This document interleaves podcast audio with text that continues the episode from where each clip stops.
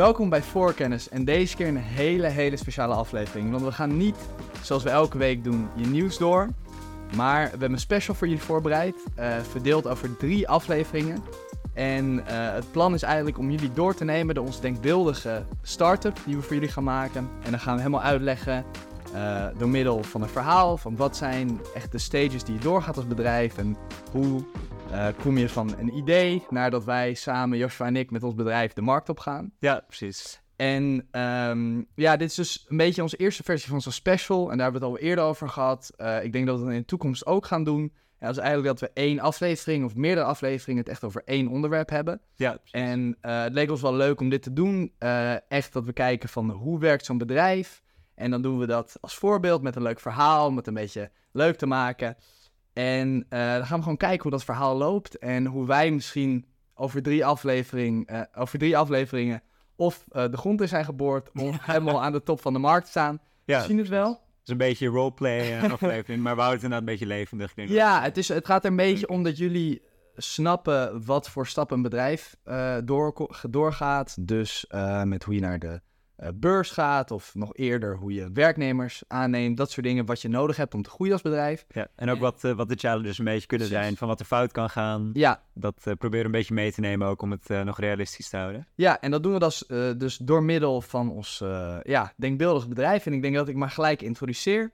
Want Joshua en ik hebben veel vrienden, we gaan geen namen noemen, maar heel vaak als ze aan het stappen zijn of als ze een hele lange dag hebben gehad en misschien hebben ze een wat oudere telefoon, ja, dan loopt die telefoon gewoon leeg. Ik bedoel, je zit te teksten, waar, waar moet ik heen? Je zit op Google Maps, je zit muziek te luisteren. Ja. Dus we dachten, laten we daar iets, een oplossing voor vinden. En je kent allemaal wel Powerbank, maar ja, Powerbank wil je eigenlijk ook niet meenemen. Je hebt een heel touwtje eraan.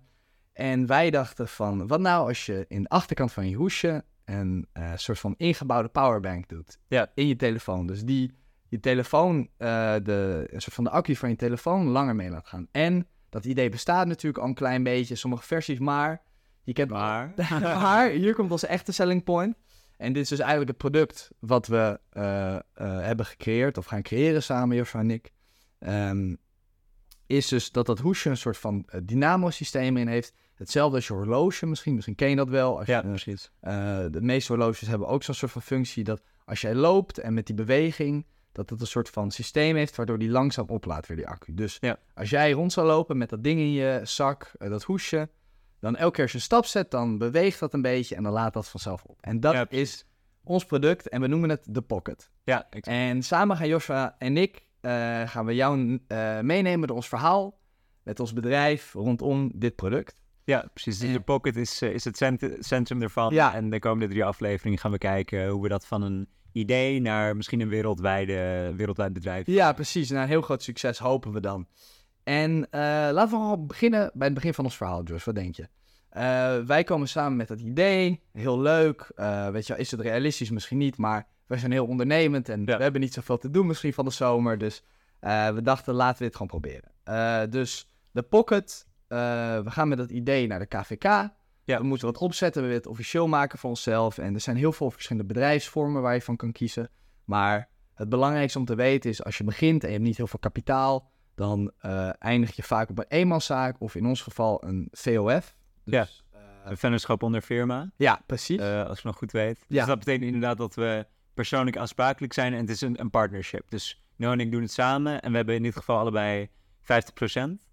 Um, en daar ook wat erbij staat van als ik bijvoorbeeld iets heel geks doe, ja. dan zijn we allebei verantwoordelijk. Dus bijvoorbeeld als ik namens een bedrijf heel veel geld leen en dat niet terugbetaal, dan is dat ook Noah's probleem. Net zoveel als mijn probleem. Ja. Dus heel veel vertrouwen moet er eigenlijk. Precies. Uh, en gelukkig is dat vertrouwen hier in dit geval, maar uh, daar moet je ook voor oppassen. Ik bedoel, in de toekomst als je dit ook zelf doet. Ja. Uh, het kan heel gevaarlijk zijn, want jouw naam staat er echt onder. En wat je zegt, als je die lening niet kan terugbetalen, dan kan opeens uh, een deurwaarder voor je deur staan. Ja, precies. en je bent persoonlijk uh, ja. aansprakelijk inderdaad voor. Ze kunnen gewoon jouw spullen komen halen. Ja. Um, maar inderdaad kregen we ook bij, bij uh, bedrijfseconomie op de middelbare, zeiden dat ook altijd. Van, uh, je moet vooral goed weten, van je moet jezelf kennen, maar je moet ook je partner en je bedrijf goed kennen, want anders dan eh, kan, je, kan je net zo grote problemen krijgen. Heel belangrijk. Het wordt echt een, een, een deel van je leven. En dat kan Ja. heel goed in, grote invloed op hebben.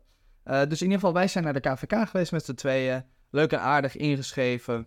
Kost ja, administratiekosten, maar het is niet gigantisch veel. Nee, precies. En eh volgende stap voor ons is natuurlijk wel om te kijken... Oké, we hebben nu de pocket, we hebben het idee. eh, maar ja, we moeten wel een markt vinden. Eh, het is een product, we moeten geld gaan verdienen, we moeten gaan verkopen. Ja, nu begint het echt te werken. Precies, dus ehm, ja, we zitten een beetje rond te kijken van deze producten zijn erg populair en een beetje een nieuwe markt. En vooral bij iPhones, eh, want dat is natuurlijk heel makkelijk. Heel veel van die modellen lijken op elkaar en het is makkelijk om Ja.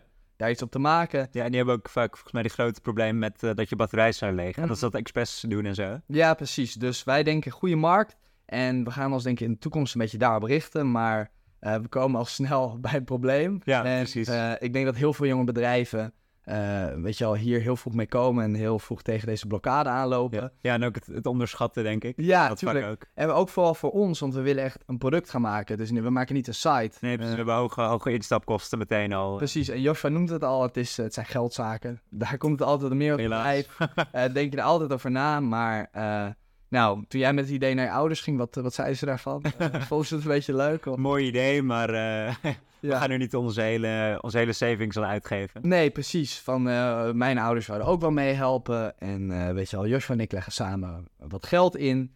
Eh, maar het komt niet boven een bepaald bedrag wat genoeg is om dit hele product of dit hele sorry, proces te starten. Ja, precies. Dus waar komen we dan, Josh? Bij eh, een oplossing die veel startups graag nemen. Ja, precies. Dus zeker investeringen zoals wij nu hebben, van je hebt heel veel geld nodig om überhaupt te beginnen. We kunnen, we kunnen niet één pocket maken zonder tienduizenden euro's in ieder geval Ja, eh, te hebben. Eh, wat we al zeiden, vrienden en familie, kom je maar zover. Zeker als je student bent, dan eh, houdt het snel op. ja. Ehm, dus dan komen we daarbij uit bij de venture capital wereld. Dus we hebben het al in, in afleveringen eerder genoemd. Ehm, nou, een thema wat we allebei ziek leuk vinden. Dus daarom ook leuk dat we nu echt de diepte in kunnen. Ehm, dus ik zal even kort uitleggen wat venture capital is. En ook echt even de diepte in op wat ze daadwerkelijk doen en wat dat voor een start-up betekent. Dus om te beginnen, eh, venture capital noem je ook een, een VC. Ehm, dat is een fonds dat in start-ups investeert. Ehm, en dat doen ze, kijk, een bank bijvoorbeeld, die leent geld uit aan start-ups. Dat is hun manier van investeren eigenlijk. Ehm, maar een visie doet het vaak niet in de vorm van een lening, maar ze kopen een aandeel in jouw bedrijf. Mhm. Dus eh, wij kunnen bijvoorbeeld 10% van ons bedrijf verkopen aan een VC. En van dat geld kunnen wij dan weer investeringen maken. En dat is chill, want dat kost ons dus geen geld. We hoeven, we hoeven alleen maar ons 10% te verkopen aan een VC. ja. Eh, maar we hoeven geen rente te betalen. We hoeven geen. We zitten niet echt aan strenge eisen vast, zoals dat bij een bank of bij een andere Ja. investeerder zou gaan. Het is heel... eh, er zijn natuurlijk heel veel eh, kleine lettertjes, maar het is redelijk gratis voor ons en het is Ja. geld wat je snel kan krijgen. Maar ja, dan moet je wel zo ver komen om het daadwerkelijk te krijgen. Dus Ja, precies. Dat is inderdaad een ander verhaal. Je zou denken van, oh, dat is makkelijk, laten we dat dan maar doen. Ehm, maar het is natuurlijk lastiger dan dat. Dus we komen straks bij Ja. Hoe ons gesprek als start-up met een VC gaat. Ehm, eerst even wat je over een VC moet weten is eigenlijk... ehm, het is gestructureerd als een partnership. Dus ne- net zoals een VOF eigenlijk heb je een venture capital fondsen. ehm, en je hebt daarbij limited partners en general partners. Limited partners zijn mensen die geld geven aan een venture capital fonds. Dus dat zijn vaak, eh, het heb je allemaal verzekeraars, pensioenfondsen. In Amerika ook heel interessant, ehm, University Endowments he- heette dat. Dat zijn de beheerders van donaties. Want natuurlijk iedereen die naar Harvard en zo gaat, die komt terug met miljoenen en die geven dan, doneren een paar miljoen terug aan een universiteit. precies. Ehm, en die universiteiten investeren dat dan bijvoorbeeld weer in een venture capital fonds. Dus ik heb straks een voorbeeld van, ehm, Ja, leuk. van Yale volgens mij, die dat Ja. ook heel veel doet. Dat zijn dus de limited partners, degene die geld geven aan een venture capital fonds. En dan heb je nog de general partners, en dat zijn degenen die de baas zijn van het fonds. Dus die Ja. investeren daadwerkelijk het geld namens hun limited partner. Ja, precies. Dus dat geld komt een soort van in een pool bij hun Ja. naar binnen. En dan gaan zij kijken waar gaan we dat daadwerkelijk in investeren. Pocket, leuk idee, maar ja, is het ook ons geld waard? Of Ja, precies. Ehm, nou ja, wat je goed moet weten, je denkt misschien nu nog steeds van venture capital, oh, simpele manier om gratis geld op te halen. Ehm, maar het is, het, zijn nou ja, heel veel venture capital fondsen, ook in Amsterdam bijvoorbeeld, die krijgen 400, 500 bedrijven per jaar langs. Dus meer dan één per dag komen er benaderen hun van, hey, wil je investeren? En minder dan 1% daarvan investeren ze in. Ze, ze nemen er echt, één per maand is nog veel. Zo. Helemaal gek, ja. Dus twa- 12 per jaar is over de limiet. Ja. Het zijn er meestal, het ligt ook aan het fonds, maar het zijn er echt heel weinig. echt een heel, heel taai proces om daar doorheen te komen. Als, want ja, ik denk iedereen die natuurlijk ook zo'n bedrijfje opzet en wij met de pocket of weet je, met jouw idee dat je denkt van, ah, dit is miljoenen waard en iedereen Ja. vindt het perfect. Maar ja, van buitenaf is dat natuurlijk zo anders. En zij krijgen, wat jij zegt, 400, 500 bedrijven per jaar. Ja, En ze horen links en rechts allemaal verhalen. Maar ja, dan moet het ook... Van die, die krijg je, je moet heel veel doen om indruk op hun achter te laten. Ja, precies. maar. Die zijn heel veel gewend. Ja, ehm, dus wat je al zei, van het is heel moeilijk om dit proces eigenlijk in te komen. Ja. Ehm, dus ik dacht misschien is het leuk om een beetje te kijken hoe een venture capital fonds beslist of ze wel of niet geld willen uitgeven aan een start-up. Ja, leuk. Ehm, nou, dit, het is, er kwam later nog bij een langere versie, maar het belangrijkste is people, product, market. Dus wie zijn de start-ups? Zeker als je heel vroeg in eh, de start-up zit, zoals bijvoorbeeld de Pocket.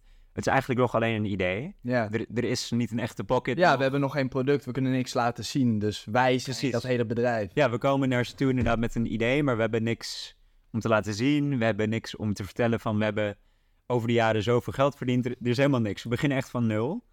Ehm, dus dan zijn de people heel belangrijk. Want Mhm. dan investeren ze niet in ons product, maar ze investeren in of wij dit aan kunnen eigenlijk. Ehm, dus dat maakt het lastig, maar ook wel heel leuk eigenlijk. Want je moet dus echt een soort van mensenkennis hebben Mhm. om te weten van hoe, ja, of dit persoon het kan. Het is natuurlijk ook gigantisch lastig toch als jij als venture capital firm of ja, ik weet niet of je dat genoemd durfkapitaal in het Nederlands Oh, toch? Als dat van de- ja, ja, nee, gewoon om het duidelijk te maken, maar Ja, precies. Eh, om dan inderdaad sowieso in het begin in één pitch al in te schatten van kan iemand dit aan en daarna heb je vaak wel meerdere gesprekken daar ga je het misschien zo ook nog wel over hebben, maar Mhm. om inderdaad in te kunnen schatten van kan iemand dit aan of doen ze hebben ze een heel leuk praatje, een heel leuke act, maar weet je wel, Ja. je, het is altijd uiteindelijk een gok. Ja, Dus- precies. En ook hun werk is ook vooral gewoon nee zeggen. En dat, dat is nog moeilijker natuurlijk. Want Ja. Dus wat ze ook vaak zeggen is, het is niet erg als een venture capital fonds verkeerd investeert. Want dat gebeurt nou eenmaal dat je een soort van een bedrijf kiest wat heel veel potentie lijkt te hebben. Maar dan gebeurt er niks mee. Maar wat wel erg is, is als een Facebook, een Google, een, een Amazon bij jou langs is geweest. En je hebt toen gezegd, nee sorry, we zien het niet. Ja. Eh, ga maar door naar de volgende, de volgende fonds. Want dan, dan heb je wel een hele grote kans. Ja, we gaan ook zo wat, wat voorbeelden langs. Maar inderdaad, soms kan een miljoen kan miljarden wo- worden. Precies, ja. dan ja, die kans misloopt. Maar hoe kan je dat ook weten? Je kan het nooit kan weten. het achteraf gezien is het altijd super makkelijk natuurlijk. Maar eh, de, van de beroemde venture capital fondsen die, die echt historisch zijn, zeg maar, die, qua, waar we zo voorbeelden van hebben, die eh, zijn gewoon heel goed. Die hebben dan twee, drie keer hebben ze gelijk gehad. En ze zijn meteen Ja. een van wereldberoemd. Maar dat is ook hoe het werkt. Omdat het hele systeem is van ze hebben al 100 investeringen in 100 verschillende bedrijven. En 99% werkt niet. Maar die 1% gaat keer 3, 4000. Ja, Dus daardoor. En dan, dan, maakt alles weer goed inderdaad. Ja. En dan heb, zorg je weer dat het hele fonds overal toch heel veel geld heeft verdiend. Dus ehm, dat is een beetje daarbij. Ehm, nou, product die spreekt denk ik voor zich. Ja. Eh, maar market is wel interessant, want dat is natuurlijk ehm, ja, wat voor markt je een beetje in terecht komt. Ja, Dat is natuurlijk heel belangrijk, omdat, ehm, ja, omdat zeg maar, je kan een goed product hebben, maar als de markt niet geïnteresseerd is of de markt er geen ruimte voor heeft, omdat er al hele grote spelers zijn, ja, dan wordt het heel moeilijk. Kijk, bijvoorbeeld, ja, markt voor echt vliegtuigen of zo, van die heeft niet heel veel interesse, denk ik, als je met een vliegtuig-startup of zo komt. Want Nee, dan heb je natuurlijk waar. helemaal geen, ja. daar hebben ze gewoon geen interesse in. ja, je moet genoeg kunnen groeien en er moet genoeg... Uiteindelijk moet je iets verkopen en geld verdienen. Dus ja, er moet een soort van hoek zijn waar je wat kan af, eh, afhaken. Zeg maar. Ja, precies. uit Je moet inderdaad een gat in de Ja. markt zien. Precies. Le- letterlijk, ja. Ehm, dus, nou, hoe verkoop je dat eigenlijk aan een venture capital fonds? Is bij pitchen. Dus we gaan zo naar het stukje nog ehm, dat we even gaan uitleggen wat een, hoe een pitcher gewoonlijk uitziet. Mhm. Eh, want we hebben ook, eh, kunnen we het nog vertellen, maar een paar pitches ook mee kunnen maken zelf. Ja. Ehm, nou, dat is heel leuk om te zien en heel moeilijk, denk ik ook, Heel om te maken. Ehm, maar voor die tijd ga ik nog even kort uitleggen op wat voor manier een venture capital fonds kan investeren. Eh, want wat, wat we net zeiden is een beetje simplified. Er zijn natuurlijk wat termen eromheen. Eh, en dan kan je ook een beetje zien hoe zij hun risico in proberen te dekken. Ehm, dus er zijn grofweg twee soorten investeringen die een venture capital fonds vaak doet. Het, er zijn er nog meer, maar dit zijn de grootste Mhm. twee, eh, voor zover ik weet. De eerste heet een CLA. Die is heel, heel belangrijk. Is goed. Als je die kent, is dat ook good for you. Dat is een convertible loan agreement. Ehm, het, is, het is ingewikkeld, maar heel praktisch gezegd werkt het zo. Ehm, dus het begint als een lening die ik aan een start-up geef. Dus ehm, bijvoorbeeld een lening met 6% rente. Dus ik kan aan de Pocket, aan Pocket kan ik 100.000 euro uitlenen. En dan wil ik dat over 30 jaar terug hebben met 6% rente per jaar, bijvoorbeeld. Dat is dan gewoon een lening zoals je dat altijd hebt bij een bank of whatever. Ehm, maar het interessante hier is, het is convertible. Ja. En dat betekent dus dat bij een trigger event, dus op het moment dat er iets gebeurt, ehm, mag ik de resterende hoeveelheid van mijn lening, mag ik omzetten in equity, dus in aandelen. Dus bijvoorbeeld, ehm, stel ik heb inderdaad 100.000 euro uitgeleend aan, aan jou, dus aan Pocket. Stel je hebt 30.000 euro terugbetaald en dan gebeurt er een trigger event. Dus bijvoorbeeld, ik niet, de, de omzet gaat boven 100.000 Ja. euro per jaar of zoiets. Ehm, dan kan ik zeggen, de resterende 70.000 euro, die wil ik, die hoef je niet meer terug te betalen, maar die wil ik wel omzetten in aandelen. Oké. 70.000 euro aan aandelenwaarde. En dat is dan soort van tevoren, als het contract met die lening wordt afgesloten, Ja, op, op dat moment wordt dat op wordt die papier. waarde... Ja, precies. Dus op dat moment wordt eigenlijk vastgesteld hoeveel je daarvoor krijgt. Dus ja, dus voor hun is het wel beter. Dat leningssysteem is dan misschien iets minder risicovol. En dan kunnen Ja. ze het wanneer ze willen, kunnen ze dat omzetten. Ja, exact. Dat dus ook zeker als het met het bedrijf niet zo goed gaat, dan heb je die lening nog lopen. Dus dan hoef je, niet, hoef je geen geld te verliezen eigenlijk. Ja, Maar als het heel goed gaat met het bedrijf, dan hoef je ook geen geld mis te lopen. Ja. En dan kan je zeggen, ik wil er aandelen voor dus aan beide kanten zit je iets meer gedekt als eh, eh, venture capital bedrijf. Ja, precies. Dan heb je inderdaad goede, goede dekking, goede balans. Oké. Ehm, de tweede is een, een SAFE of een eh, Simple Agreement for Future Equity. Ehm, dat is eigenlijk ja, een soort optie, maar dan wat simpeler volgens mij. Eh, dat betekent eigenlijk dat je in de toekomst recht krijgt om aandelen voor een bepaalde prijs te kopen. Dus dat je bijvoorbeeld zegt van ik wil eh, over een paar maanden op een bepaalde datum eh, wil ik het recht hebben om ehm, weet ik niet, 10% van je bedrijf voor 100.000 Ja. euro te krijgen bijvoorbeeld. Ja, een beetje een optie werkt inderdaad. Wel een goede vergelijking. Precies, dus dat is eigenlijk een, de, de simpelste manier. Oké. Ehm, alleen het lastige is dat het wel met toekomstige waarden beetje complex wordt. Daar komen we ook... eh oh, de volgende aflevering, Bas, volgens mij, komen we daarbij. Maar dat Nee, eh, ja. is eh, nee, vrij complex. Ja, snap. Ehm, nou goed, om een beetje meer een beeld te scheppen bij wat visie is... en hoe dat in het echt nou ja, heel hard goed kan gaan... hebben we ook wat voorbeelden erbij. Ja, inderdaad. En dit zijn natuurlijk, ik heb twee voorbeelden erbij gehaald. En mensen die in de VC-wereld zitten kennen dit 100%.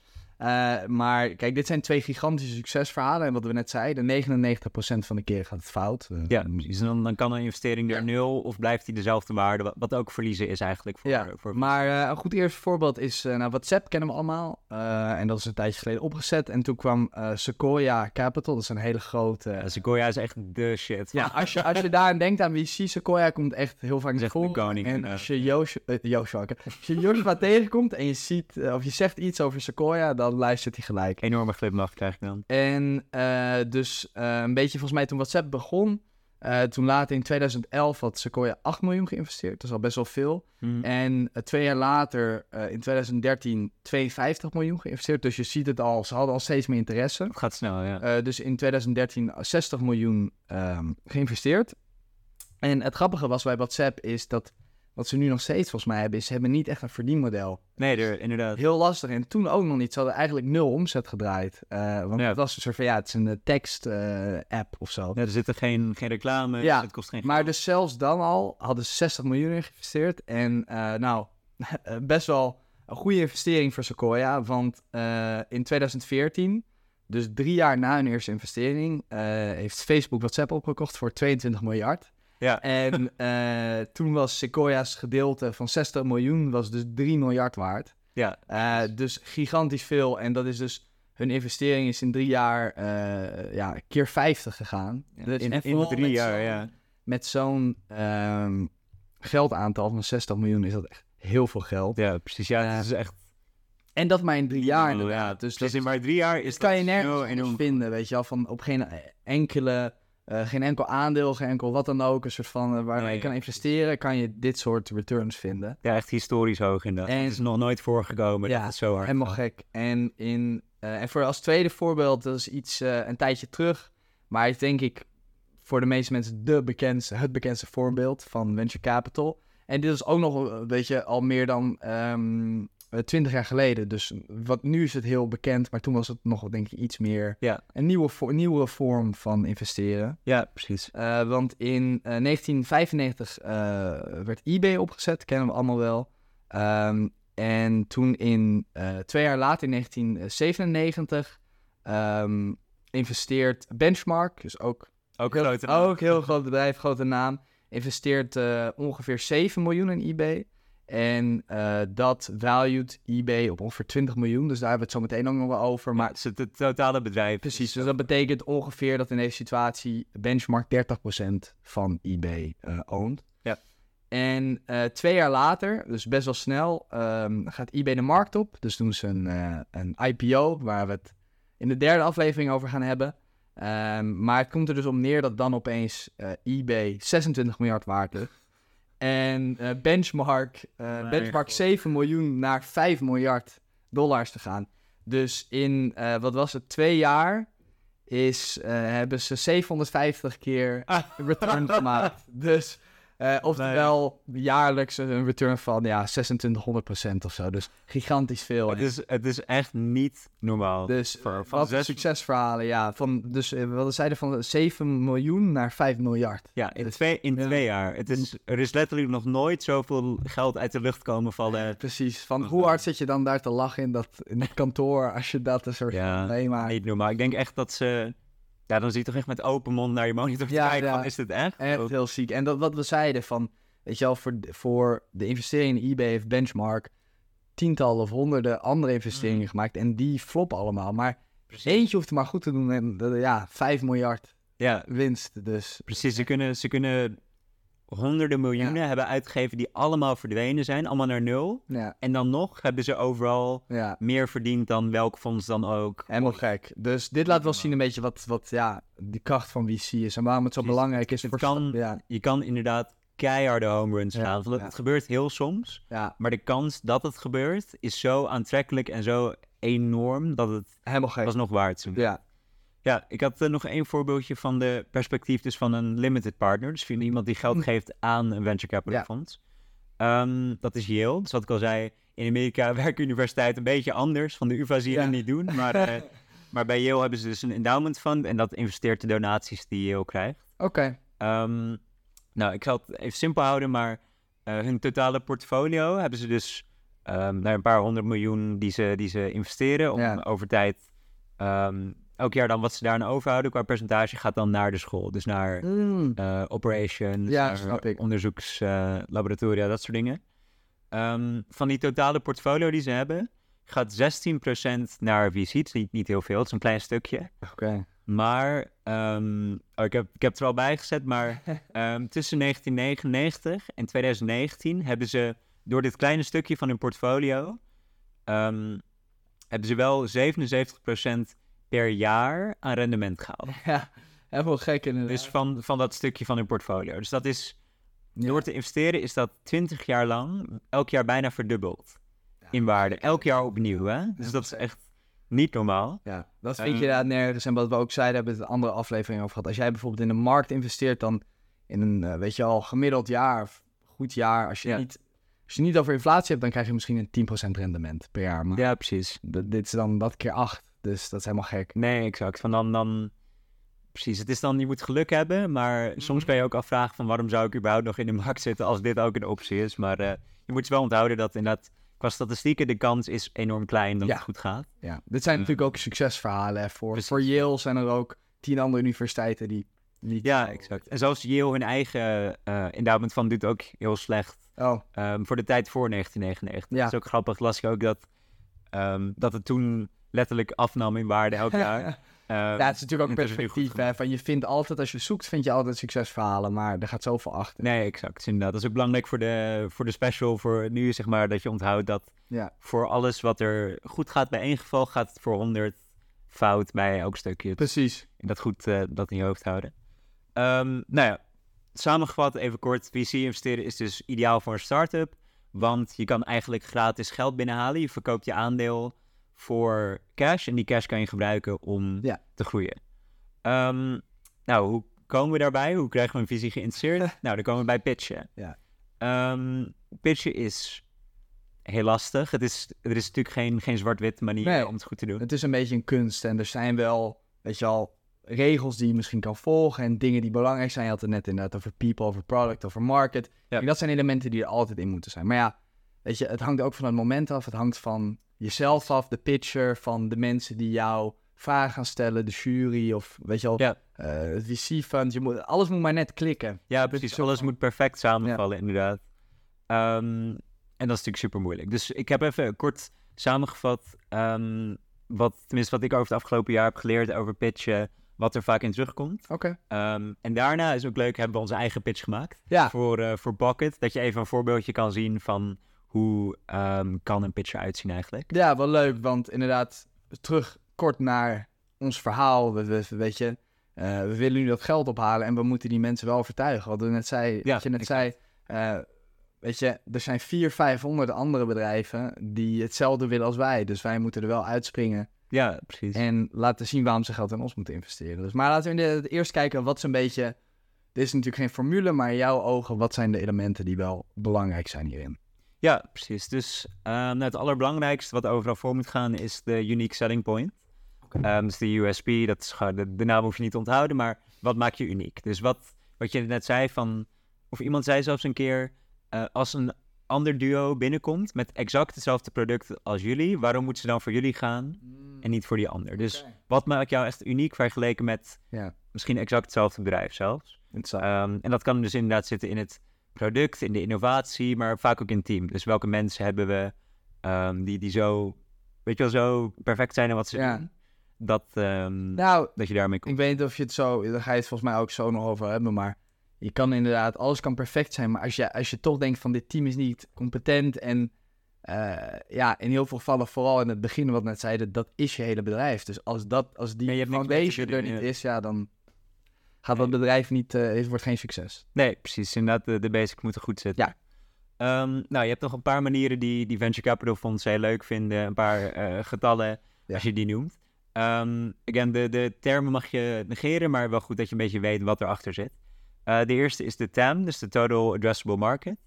Ehm, die is eigenlijk heel belangrijk, omdat het zegt hoe groot gaat de totale markt zijn waar je in zit. Mhm. En dan denk je misschien dat is heel simpel, dat is gewoon de hele markt bij elkaar optellen. Dus gewoon elk bedrijf een omzet of zo bij Ja. elkaar optellen. Ehm, maar het interessante bij TAM is meer dat de markt in grootte kan toenemen ook. Eh, dus bijvoorbeeld heb je dat nu bij AI, dat, Mhm.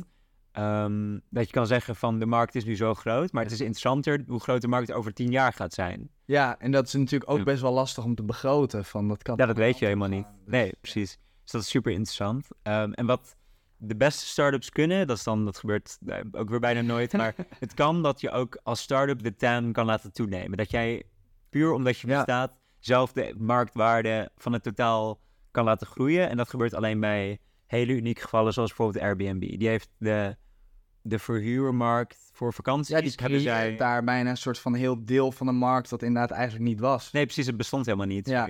Misschien bij hele, hele inderdaad belangrijke innovaties is dat misschien meer inderdaad. Of met Ja. wanneer een nieuwe, eh, of, nou, niet per se de iPhone, maar inderdaad zo toch wel zoiets, weet je, of iets van een mobiele telefoon wat eigenlijk nog niet eens bestond. Ja, En ja of de, de Apple Vision, eh waar hadden. ja, ja. Misschien zoiets. Ja. Ja, zo'n headset inderdaad, wat, wat eigenlijk helemaal nieuw is en wat nog niet bestaat. Maar ja, dat is denk ik voor de meeste gevallen inderdaad niet zo. Nee, precies. Eh, de tweede is de SAM. Dus je hebt, het is een, eh, zie je ook, ook zo bij.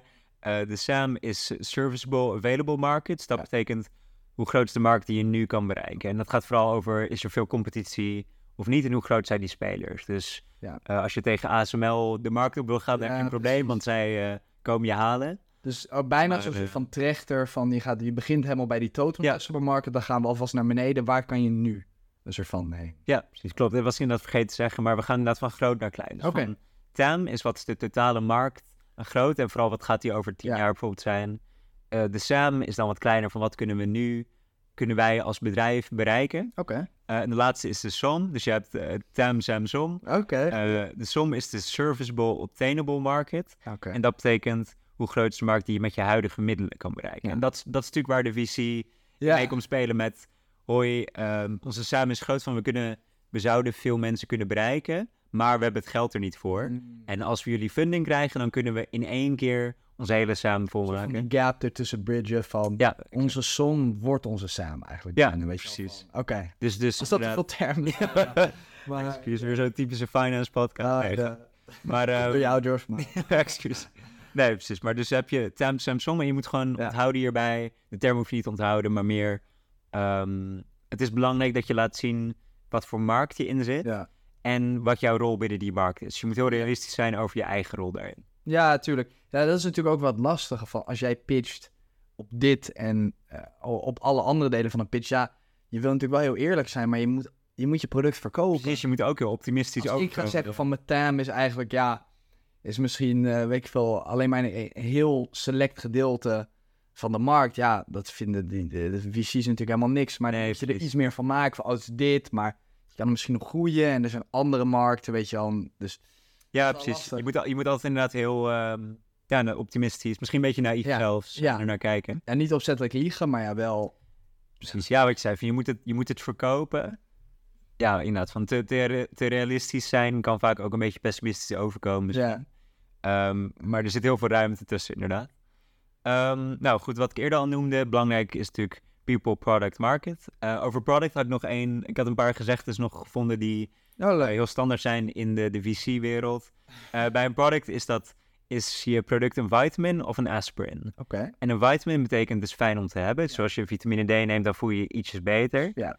Ehm, maar Een extra. precies een extra, inderdaad een bonus. Ehm, maar een aspirin lost een probleem op. Want als je pijn hebt, neem je een aspirintje en dan gaat de pijn weg. En dat maakt het echt essentieel. Dus Oké. is je product een vitamin, van helpt het een beetje bij iets? Ja. Of is het een aspirin en lost het een probleem echt op? Snap ik wel. Eigenlijk natuurlijk, of dat hangt er natuurlijk vanaf. Maar als ik dit zo hoor, is een aspirin natuurlijk wel een betere situatie, of niet? Van- Ja, de aspirin is inderdaad wat je veel liever hebt. Van een vitamin kan wel goed zijn. Ja, Ehm, maar een aspirin is echt een, een nieuw niveau. ja van de Inderdaad. vitamin is meer als iemand wat extra geld heeft, misschien koopt ze het erbij. Ja, inderdaad een, een added bonus van een, een extra... Ja. Bij, ja, bij een stylus, bij Ja, je iPad. Ga je het hier nog over onze pocket hebben? Of het zeggen waar hier ergens... Want Ja, nu durf ik niet doen, nee, maar, eh, nee, ja. Precies, ja, in dit geval zou ik zeggen, het, is, het zit er tussenin. Ja, ja, ja. Ehm, Maar het is meer vitamin. precies. maar als je Nee. VC bent, luister niet. Maar... nee, ik zou negeer het dan. Oké. Ehm, en over market nog, eh, Mark An- Andreessen, dat is de, nou ja, een van de oprichters van Andreessen Horowitz. Dat is Hm. Nou, ook een eh, top 5 visies ter wereld, een eh, enorme naam. Eh, en die zei over het team, dus over de people eigenlijk meer, het is beter om een slecht team te hebben in een goede markt, dan om een goed team te hebben in een slechte markt. Dus markt is eigenlijk voor hun het belangrijkste, boven personen. Maar het zelfs, verschilt. zelfs het team kan het niet redden als, het, als je niks te bereiken zeg maar. Ja, oké. Nee, exact. Dus daarom zijn uh, Tam Samsom ook eh, belangrijk. Als je nog vijf keer zegt, dan snap je hem. Ja, precies. En dan eh, ronddraaien voor een eh, spiegel en dan... eh, nou, ehm, goed. Voordat ik nog bij ons pitch kom als laatste... eh, een belangrijke term die, eh, die je wel moet onthouden is product market fit. En het zegt eigenlijk al, past jouw product in de markt? En dat gaat vooral over, los je eigenlijk een probleem op? Of, Ja. ehm, Ja. ja, of ben je inderdaad een vitamin meer? Mhm. Of sluit je niet zo goed aan bij wat de markt van je wil? Ehm, nou goed, dat was een beetje de achtergrond. Ehm, ja, willen we de pitch in al?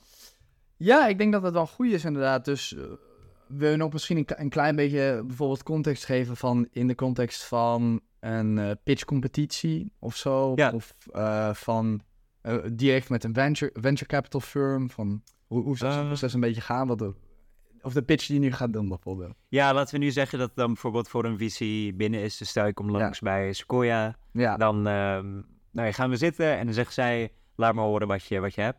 Ja. Ehm, en dan is dit eigenlijk een soort van een pitchvoorbeeld van wat je kan gaan vertellen. En dan daarna komt natuurlijk het hele gesprek met alle vragen en alle, alle kritische punten. ja, heel mooi. Ja, ik denk dus dat Joshua gaat nu dan even de pitch doen en ik eh, doe dan Ja, Na de pitch vraag ik, eh, of stel ik één of twee vragen vanuit het perspectief van inderdaad zo'n venture capital firm.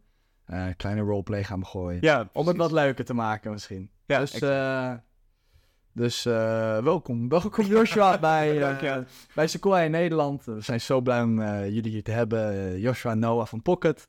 En veel over jullie gehoord. ehm, en we- ja, we kijken er heel erg naar uit. Dus laat maar horen wat, wat je voor ons hebt. Ja, tuurlijk. Dus dan pak je de, de perfecte PowerPoint pak je er dan bij. Precies. Dus dan, eh, nou ja, dat kan ongeveer zo gaan. Dan zeg ik, uh, nou, je herkent het vast wel. Je gaat een dag uit met, uh, met vrienden, je wil een dag het bos in, waar je ook bent, uh, maar je neemt wel je telefoon mee.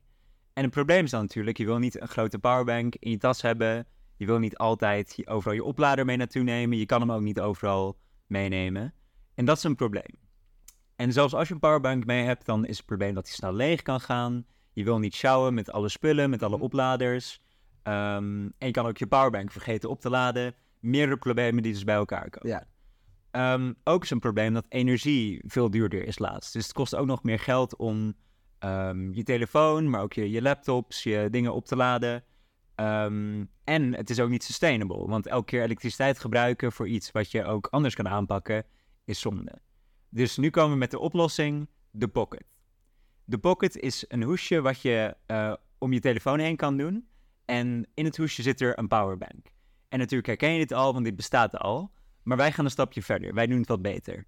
Wij hebben namelijk een uh, systeem uh, gemaakt waardoor je bij het lopen of bij het bewegen van het hoesje energie opwekt. Door ons unieke Walk Dynamo tech systeem. Um, zoals je dat bijvoorbeeld bij horloges ook herkent. Als je hem beweegt, dan wekt het energie op. Uh, ook gebruiken we de nieuwste lithium-ion batterij, um, waardoor we 150% meer energie kunnen opslaan in dezelfde grootte van een powerbank. Oftewel, je kan zelf je energie opwekken en je hebt ook nog eens meer energie tot je beschikking. Nou, wat is de markt voor dit product dan? Um, de totale markt die we nu kunnen bereiken is 21 miljard wereldwijd waard. Maar dat kan een stuk groter, want de TAM gaat ook nog 8,3% per jaar groeien tot uh, het einde van dit decennium, dus tot 2030.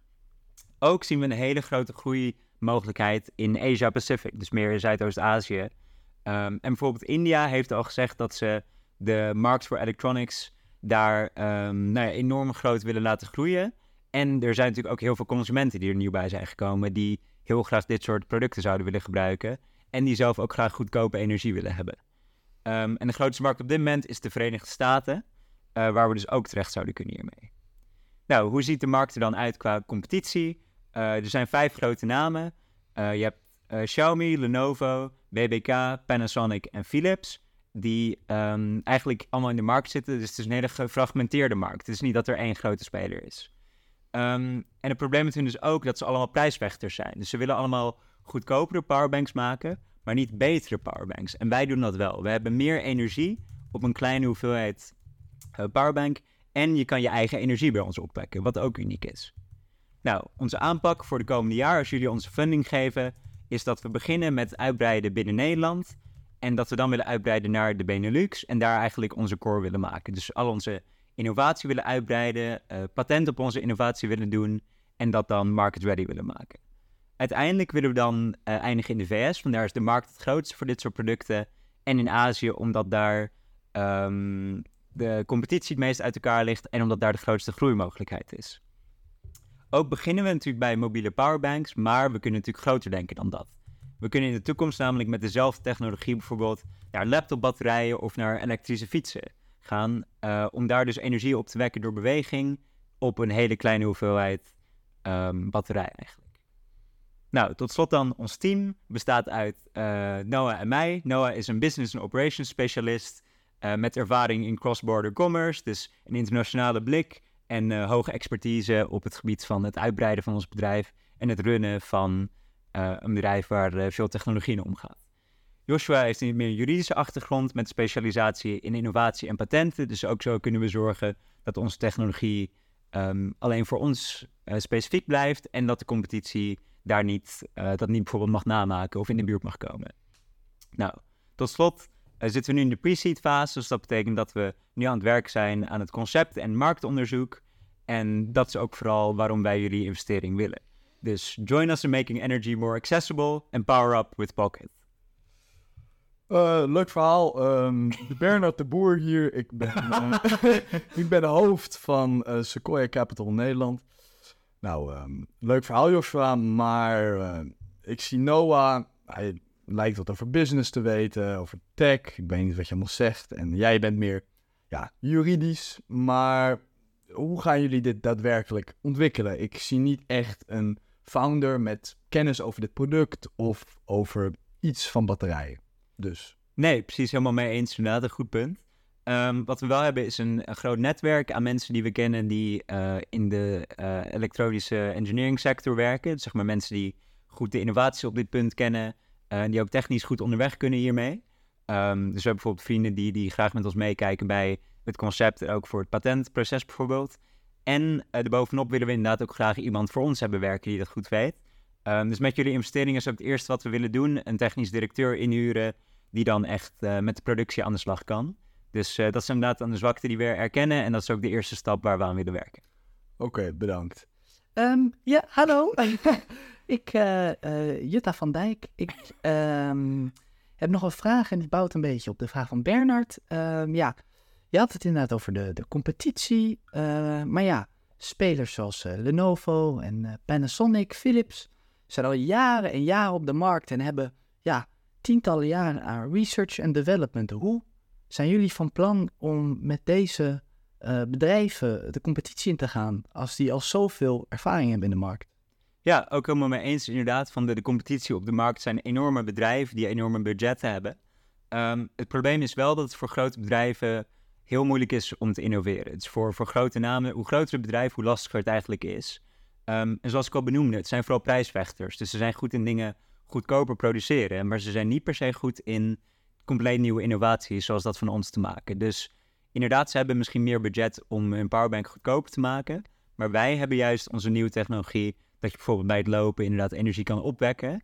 En daar komen zij minder snel mee. Dus goedkopere powerbanks komen misschien van hun, maar efficiëntere powerbanks en qua energieverbruik goedkopere powerbanks, dat is echt uniek aan, uh, aan de Pocket. Oké, okay, bedankt. Oké, okay, uh, Jutta, wil je even na de meeting uh, bij mijn kantoor komen? We moeten even wat dingen overleggen. Maar Joshua en Noah namens Sequoia, heel erg bedankt. Mooi verhaal.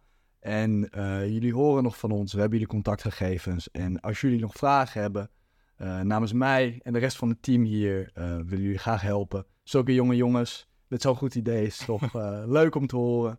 En we komen snel bij jullie terug. Ja, precies. Dus dat is inderdaad hoe het, uh, hoe het kan gaan. En Noah en ik hebben het ook zien gebeuren trouwens. Ja, inderdaad. Ja, dat is wel grappig inderdaad. We zaten... wil je daar kort over hebben, over de, de pitch? Ja, natuurlijk. ja, ja, maar... Ja, we waren net recentelijk bij Pitch Excel. dat is ook zo'n soort van pitch-competitie. En daar hebben we het volgens mij ook al in vorige aflevering gehad. Een normale aflevering van Voorkennis. Ja. Um, ik zit nog een beetje in mijn, in mijn personages, maar... Uh, Zo waren Jutta weer naar boven. Jutta waren Maar um, uh, nee, dus dat is uh, ook echt heel leuk. En dat waren dus uh, uiteindelijk volgens mij zeven finalisten. Ja. gebaseerd op eerst 60 teams. En die zijn dus al volgens mij twee... Ja, voorrondes Twee voorrondes doorgaan. En dat waren dus zeven nou, hele verschillende teams. Allemaal met een heel leuk idee. En die kwamen daar en er was een...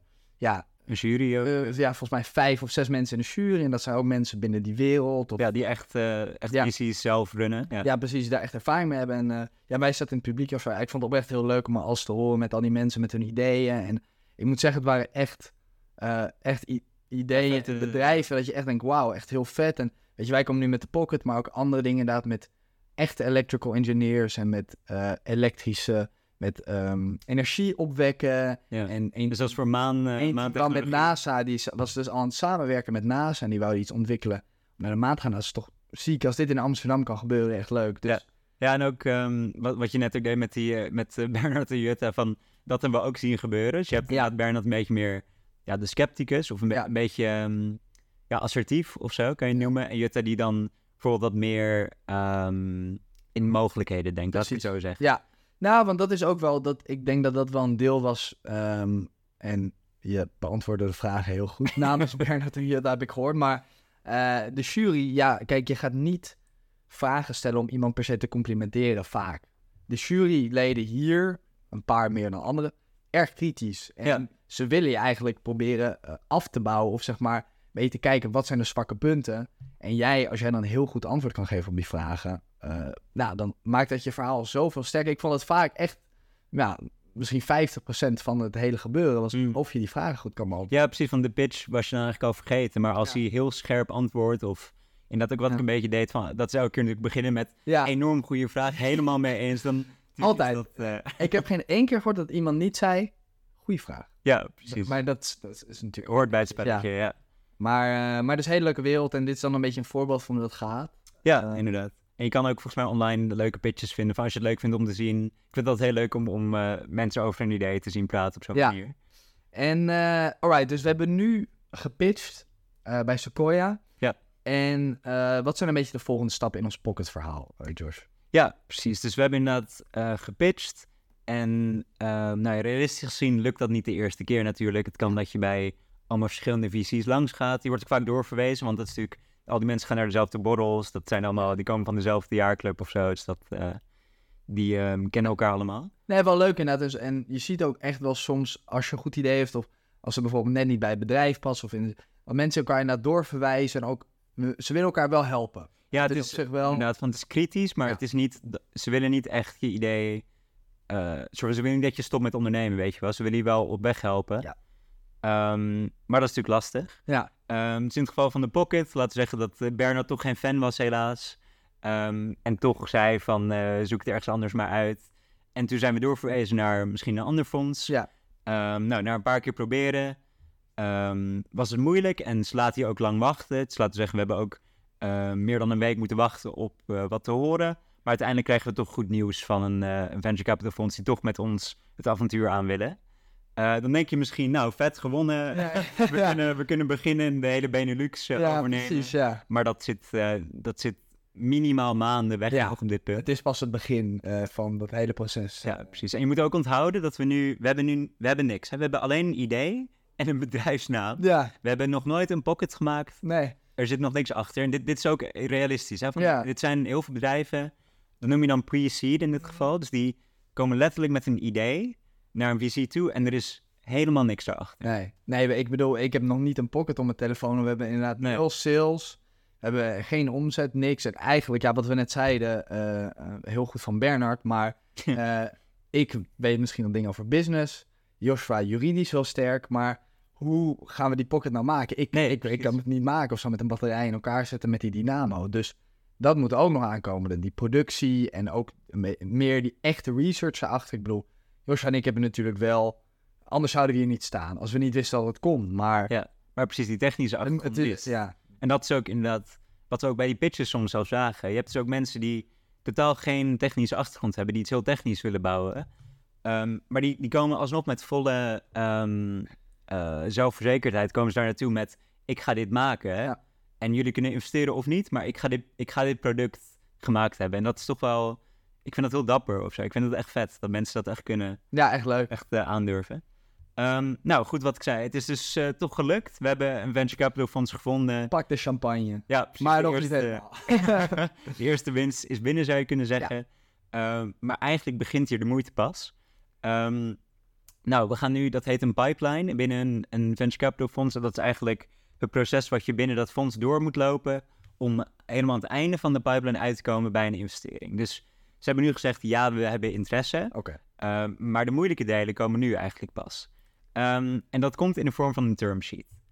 Dus eh, een term sheet, daar kan je hem ook even Ja. bijpakken, ehm, is een contract, eigenlijk een, een voorstel. Dus een, een ja, letter of intent. Er zijn heel veel namen voor eigenlijk.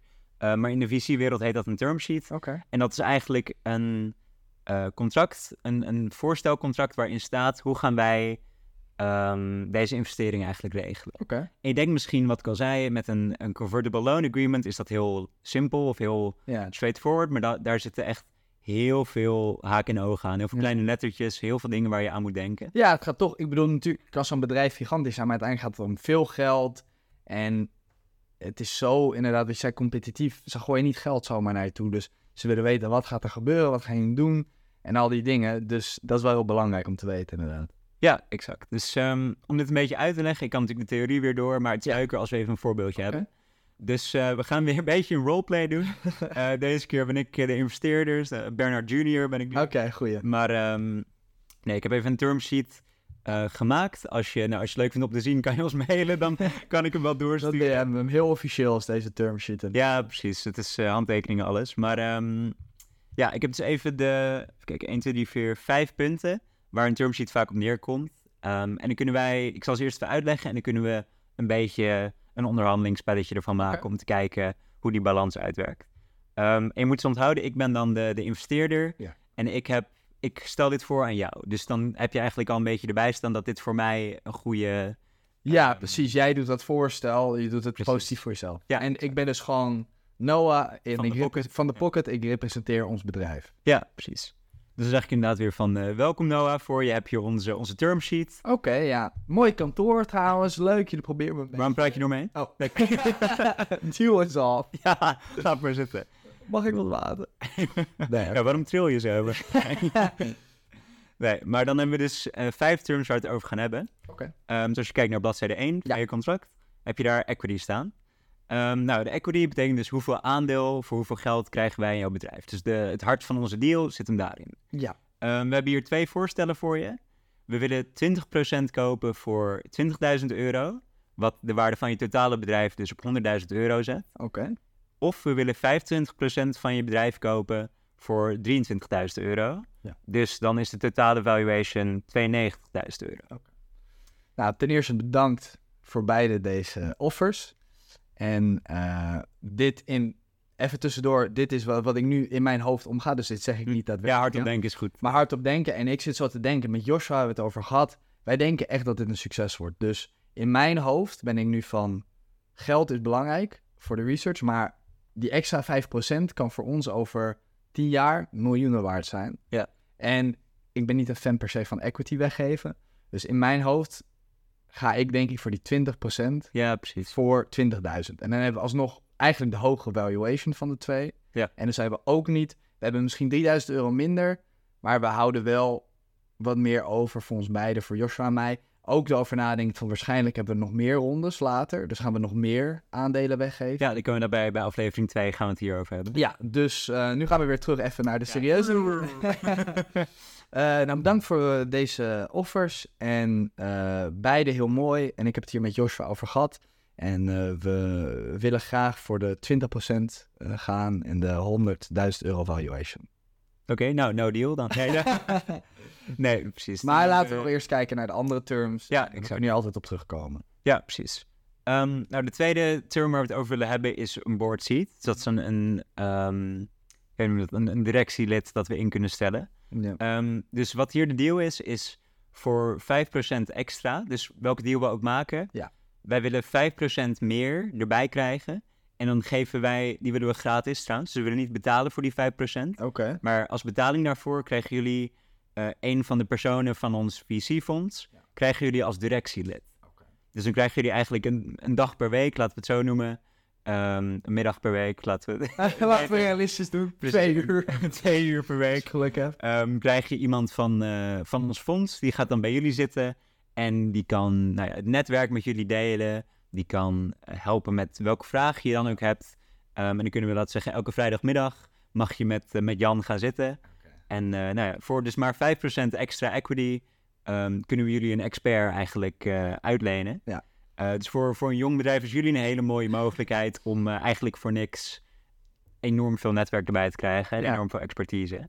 Nou, dan ga ik weer hard op denken. En dan denk ik van, net hebben we, heb ik toch 20%. Kijk, dat kan natuurlijk altijd aangepast worden, maar 20%. We hebben nu iets meer leeway.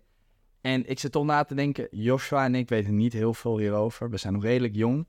En dit fonds is, eh, is al jaren bezig, dus ik vind het best wel valuable om dit te hebben. Ja, Ik bel Joshua even op. Joshua, eh 5% extra aan eh, equity moeten we ze geven, maar we krijgen wel een eh board seat erbij. Wat vind je ervan? Wat denk je? Dan zeg je, klinkt helemaal goed, want we, we weten niet zo goed wat we doen. Nee, precies, daarom. Oké, ik hang weer op. Joshua denkt precies hetzelfde als ik. Oké, nu gaan we weer. Dan gaan we weer terug. En nu zit ik weer tegenover Jan of ik weet niet, whoever.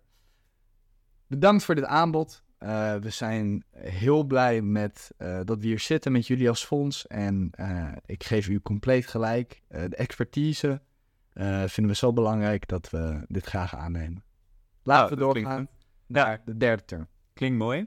De derde term is, is een, ehm noem je dat, een touchy subject, een gevoelig onderwerp.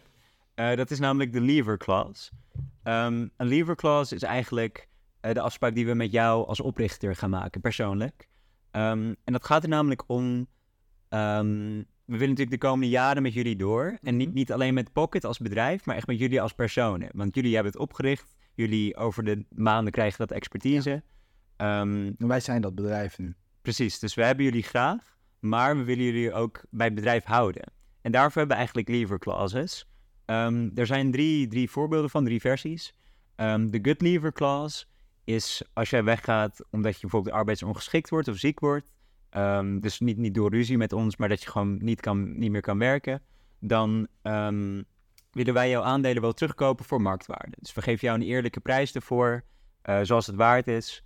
Ehm, voor dat bedrag en dan kan jij uit het bedrijf herstellen eigenlijk. Oké. De tweede lever clause is een bad lever clause. Dan worden we wat strenger. Ehm, als je namelijk eh, door misdaad of onacceptabel gedrag, dus bijvoorbeeld dat je geweld toont op werk Ja. of ehm, ja, je noemt het inappropriate behavior, dus dat je nou ja, nare dingen op werk doet. Ehm, of bijvoorbeeld ontslag met reden hebt, dat is natuurlijk wat ingewikkelder bij een oprichter Mhm. maar kan ook gebeuren, dan eh, moet jij al je aandelen aan ons verkopen voor 1 euro. Oké. Dus Ja, je, dan is eigenlijk gewoon weg. Je bent Ja. weg. je aandelen kunnen miljoenen waard zijn, dat boeit me helemaal niks. Ik betaal je 1 euro voor al je aandelen. Ja, ik wil je niet binnen het bedrijf inderdaad. Nee, precies. En de derde, de laatste van de lever clauses, is de early lever clause.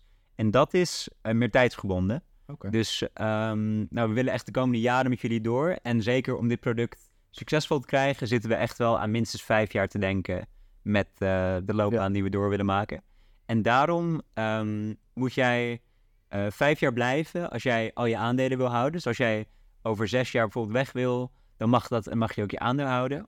Eh, maar je moet wel minstens vijf jaar blijven. En als jij eerder stopt dan vijf jaar, dan willen wij jouw aandelen kopen met 50% korting. Dus dan betalen wij jou de helft van de waarde voor al jouw aandelen terug. Ja. Want dan willen we natuurlijk wel die, die macht over het bedrijf houden eigenlijk. Ja. Of ik zou het dan in dit geval niet macht noemen, maar de, de invloed. Of de, ja, zo kan je noemen. Dus we hebben inderdaad drie lever clauses. En eh, we horen graag wat je, wat je hiervan vindt eigenlijk. Nou, nogmaals bedankt hiervoor. En eh, ik weet van mijn partner Joshua en van mijzelf dat wij 100% in het bedrijf zitten. En eh, dat wij heel correct zijn in onze manier van business doen. En dat voor ons die bad lever situatie niet zal gebeuren. Daarom accepteren wij dat ook. En zoals ik net zei, we zitten er helemaal in. Dus ik zie ons niet voor vijf jaar ehm, weggaan. En ik vind het dus helemaal correct wat de terms hier zijn. En, Ja. eh, we nemen dit aan. Nou, mooi, klinkt goed. En dan eh, komen we bij nog een pijnlijk puntje. Dus Oh. De, de laatste Ze begonnen leuk. Ze begonnen leuk met ons geld geven. En Ja, precies. En nu komen we met alle kleine lettertjes. Oké. Ehm, kan ook een leuk punt zijn, ligt eraan, maar dat is de, de liquidation preference.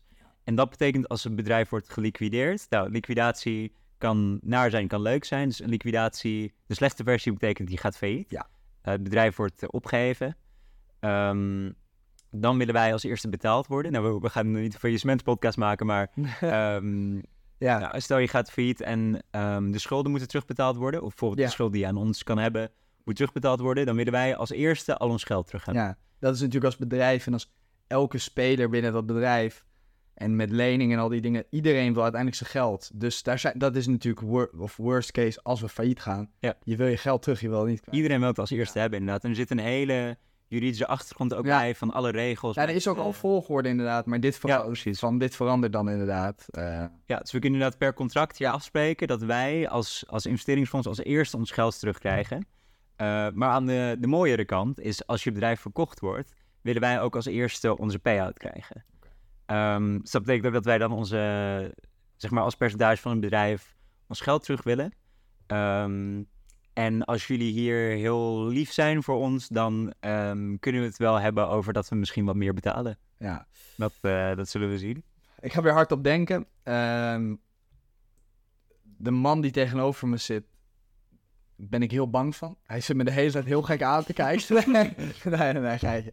Nee, maar ik zit zo te denken van ja, eh, weet je, dit is een redelijk normale clause. En dit is ook de eerste externe partij Ja, die geld in ons bedrijf stopt. Ergens is het ook wel netjes. En ik wil echt dat deze deal doorgaat. Ja, precies. Je bent heel desperate. Dus dit zijn ook van die dingen van wat jij zei aan het begin. Ik zit niet. Pocket zit niet in een positie van luxe hier. Ik zit niet per se in een positie van onderhandelen. Van voor jullie, als we al deze dingen niet aannemen, dan ga je niet door naar het volgende bedrijf. Dus ik zit zo te denken. Joshua zit nu thuis. Hij zit eten met zijn vriendin. eh, ik moet deze deal closen, want anders spreekt hij me nooit meer. Ja, ik wou niet mee, want eten is ook belangrijk. ja, zijn vriendin was al boos op hem, dus, eh, dus ik denk eh, dat ik deze maar ga accepteren. Dus ik ga hem nu weer terug in het interview. Bedankt voor deze mogelijkheid. We vinden het natuurlijk heel fijn dat jullie met ons willen samenwerken. En we vinden het ook netjes omdat jullie de eerste partij zijn die met ons samenwerken om jullie eh, dit voorrecht te geven. Eh, en ik hoorde net iets over extra cash, dus eh, ja, precies. eventueel is dat natuurlijk ook fijn, maar dit accepteren wij ook. En ehm, laten we doorgaan naar de laatste. Ja, dat is de, de option pool. Dit is een, een lastige, maar ook een hele interessante.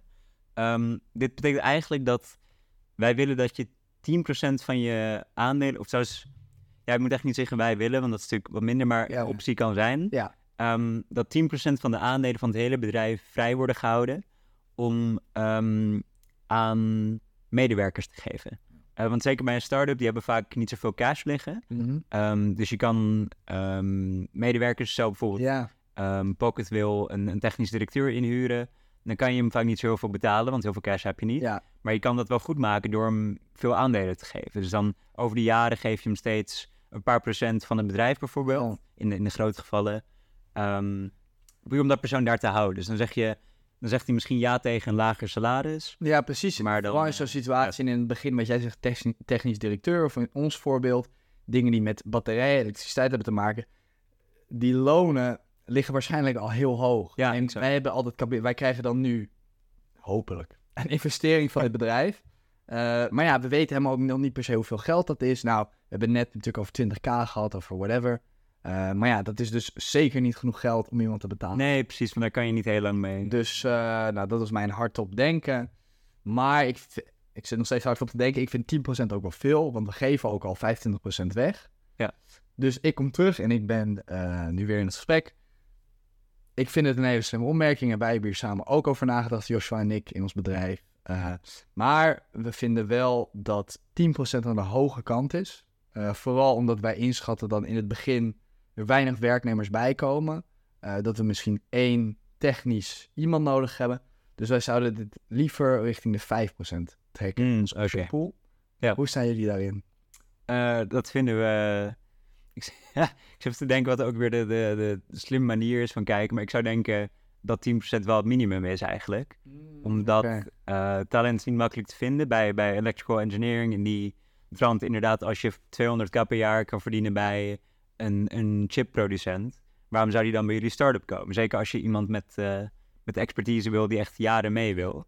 Ehm, dus ik zou eerder denken, als ik dat een beetje tegemoet wil komen... ehm, we houden het bij 10% voor de option pool. Nee, we gaan naar 9% voor de option pool. We geven een beetje mee. Ehm, maar dan willen we voor de board seat wel 7% in plaats van 5. Dus we willen wel een board seat geven, maar dan willen we 7 in plaats van 5%. Ga ik de deal niet aan, want dan zijn we een procent meer kwijt. Eh, dus dan houden we het gewoon bij 10% option pool. Want als, je, als we naar 9% daar gaan en naar 7%, dan zijn we 1% meer kwijt. Dus- Ja, precies. Maar dan heb je wel... eh, Nee, oké, verder. nee, maar ik snap, ik snap wat je bedoelde. Misschien waren de procenten verkeerd. Maar ik snap ook wel wat u bedoelt. En eh 10% vinden we ook heel redelijk. En eh, ik ben alsnog heel blij met deze offer. Dus ik zal mijn partner inlichten. En ja, ik hoop dat we snel terug kunnen horen van jullie. Ja, klinkt goed.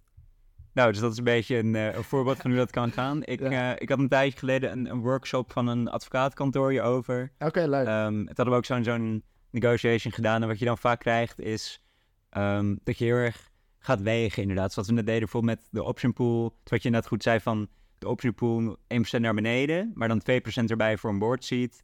Dat weegt niet is helemaal dat op het waarschijnlijk. Ja. Maar dat is inderdaad, al deze vijf dingen staan misschien iets meer in balans. Van wij nemen wat weg van iets. En nu Ja. ging ik redelijk snel mee, natuurlijk er alles. Maar eh, waarschijnlijk zit je nog veel meer te overleggen. En Precies, je gaat maar waarschijnlijk echt een week overheen. ja, ja, ja. Eh, maar het is dus inderdaad een beetje balanceren moet je het zien. Dus dat inderdaad aan de ene kant moet je meegeven, aan de andere een beetje touwtjes trekken van Ja. je moet een beetje meegeven. Dan kan je weer een beetje meer meenemen en natuurlijk altijd in je hoofd houden van de context van het is een jong bedrijf.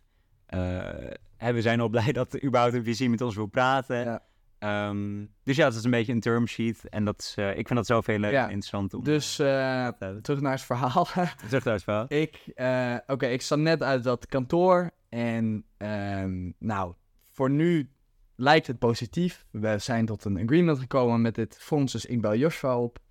En Oh my god. ja. Eh, hey Josh, nou, ik hoop dat het eh, leuk is met je vriendin, dat je lekker het eten bent. Nou, ik sprak eh, Jan net van Fonds en nou, ze willen, ehm, ze willen een redelijk grote option pool, hoger dan we hadden verwacht, maar we krijgen wel voor 5%, wat ik net zei, een board seat erbij. Wat vind je van Josh? Ik ben best wel blij. Ik denk dat dit de goede kant op gaat. Ik hoop dat we snel wat terug horen. Dan zeg ik ja. Klinkt goed inderdaad. Ja. Echt eh, insane nieuws dat het nu al gelukt is eigenlijk. Ehm, de board seat, ja, ik vind, ik vind 5% heel veel. Ehm, maar kijk, wat, ja, ik, ik wil gewoon heel graag beginnen en aan de slag gaan. We hebben al zoveel fondsen geprobeerd te pitchen. En het is gewoon heel exciting om nu te kunnen beginnen. Ja. Ehm, dus ik zeg... stel maar een fles Prosecco, zou ik zeggen. Ja, precies. Ik kom er nu aan. ja, ja, ja. Nee, precies. Ik zeg, eh, ja, ik zeg doen. Laten we beginnen aan het avontuur. Oké, mooi. Dus we komen nu een beetje aan het einde denk ik, van de eerste aflevering. Ja. En eh, dus, ja, we hebben het een beetje over die beginsituatie gehad en over VC. Hoe dat een heel belangrijk startpunt kan zijn voor veel bedrijven. Vooral Ja. onze situatie met de Pocket. Ja, en ook heel, heel belangrijk is voor al die, dit soort innovaties, zoals bijvoorbeeld de Pocket, die, eh, die niet echt geld kunnen lenen. Het is gewoon Ja. een moeilijke wereld Ja. om als bedrijf rond te komen. Dus VC heeft eigenlijk een hele unieke positie daarin, die dat, dat echt waar kan Ja. maken. Dus dat, eh, Dus eh, mooi. dat is mooi. Wij zijn blij met deze situatie. Maar ja, we zitten nu wel een soort van nog steeds in een punt van... Nou, we hebben met dat fonds lopen praten. Eh, Jan hielp ons, maar we weten natuurlijk nog niet zeker. We hebben nog niks officieel. Weet je wel, ik eh, liep leuk dat kantoor uit. Maar ja, eh, gaan we de funding ook echt krijgen? En ja, weet je wel, het is maar een idee. ja, precies. Dus waar gaan we nu heen? Er is nog niks gemaakt. Er, kan nog, er moet nog zoveel gebeuren om de eerste euro te verdienen aan dit hele verhaal. Ja, En ehm, ja, ik kom er ook bij, bij de volgende aflevering nog op terug. Maar dit is ook best realistisch. Dit hele, wat we tot nu toe hebben verteld. Ook in de volgende aflevering hebben we daar goed op gelet dat we het realistisch houden. En dat gebeurt best vaak. Dat je dus met nul product, alleen met een idee aankomt. Ja. En eh, er wordt heel serieus naar geluisterd. En er worden echt, nou, in ons geval tienduizenden, maar vaak ook echt tientallen miljoenen ja. betaald aan een idee wat nog niet bestaat. Helemaal gek inderdaad. Dus, Dus, dus eh, ik zou zeggen, luister zeker ook naar de volgende aflevering. Ja, die volgende week komt die aan. volgende week uitkomt. eh, om te kijken of we nou echt de deal gaan securen. En ja, wat een beetje eh, de, de volgende stappen zijn voor ons als, als bedrijf, als Pocket. Maar Ja. dat we het al best wel ver hebben geschopt, toch? Precies, we hebben de funding al. Dat is dan Ja. je eigenlijk al 99% van de andere ideeën. Ja, dus nu moeten we echt gaan nadenken over, eh, weet je wel, hoe gaan we dat product echt tot leven brengen? Ja, en hoe gaan we groeien? Ik bedoel, we, ja, ik weet niet waar we heen gaan. Willen we inderdaad, wat jij zei, naar Azië, willen we naar de VS? Maar ja, laten we eerst focussen op Dus laten we eerst het product maken. Nee, precies. Dus eh, we zijn ver gekomen, maar het avontuur begint nu echt. Ja, en we zien je in de aflevering 2. Ja, tot volgende week.